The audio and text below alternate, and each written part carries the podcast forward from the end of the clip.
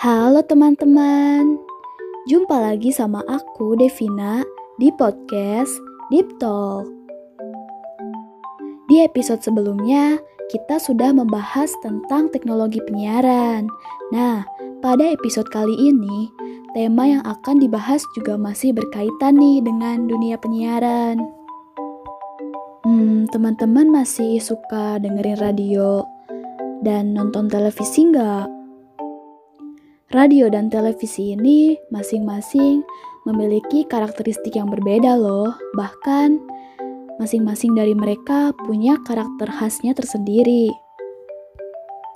Langsung aja yuk kita bahas karakter radio terlebih dahulu ya. Radio itu dapat didengar bila siaran, dapat didengar kembali bila diputar kembali, daya rangsang yang rendah, elektris, relatif murah, dan daya jangkau yang luas. Hmm, selain itu, radio juga punya karakter khas tersendiri, antara lain imajinatif. Jadi, radio bersifat theater of mind yang artinya mampu menciptakan gambar dalam pikiran pendengar melalui kekuatan kata dan suara. Misalnya nih, Kalian kalau dengerin penyiar ngomong, pasti otak kalian akan membentuk imajinasi tersendiri dari apa yang disampaikan oleh penyiar, ya kan?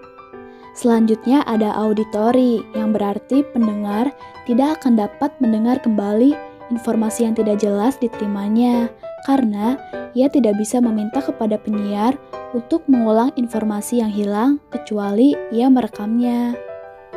Karakter yang selanjutnya adalah intim, Artinya, bisa dilakukan di mana saja sambil melakukan aktivitas lain. Ngomong-ngomong, pasti kalian ada yang suka bersih-bersih rumah kayak nyapu, ngepel sambil dengerin radio, ya kan? Aku juga termasuk sih.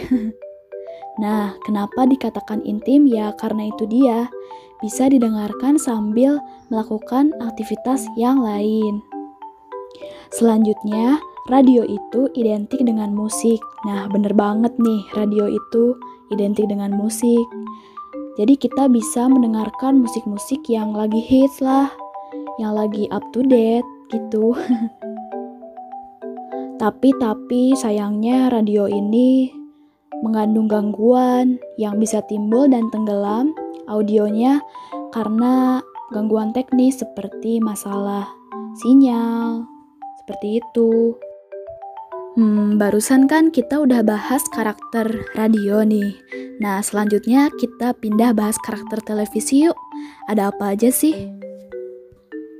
Televisi itu dapat didengar dan dilihat bila ada siaran, dapat dilihat dan didengar kembali bila diputar kembali, daya rangsang yang tinggi, seperti informasi, iklan, dan program, elektris, sangat mahal, dan memiliki jangkauan yang luas, baik nasional, regional, dan internasional.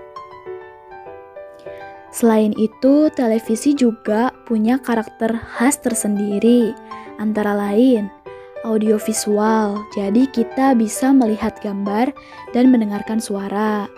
Kemudian berpikir dalam gambar. Nah, di sini ada dua tahap yang dilakukan. Yang pertama, visualisasi, yaitu menerjemahkan kata-kata mengandung gagasan yang menjadi gambar. Kedua, penggambaran, yakni kegiatan merangkai gambar-gambar individual sedemikian rupa sehingga kontinuitas mengandung makna tertentu. Selanjutnya, pengoperasian cara kerja televisi ini sangatlah kompleks. Memang sih ya, maka dari itu harus seseorang yang ahli di dalam bidangnya yang menjalankan program-program di dalam televisi tersebut. Kemudian televisi ini memiliki teknologi yang tinggi. Misalnya bisa kita bisa streaming. Dan yang terakhir, informasi yang disajikan oleh televisi ini sangatlah menggoda dan mudah ditiru. Nah, kita kan sering tuh ya kemakan iklan dari televisi.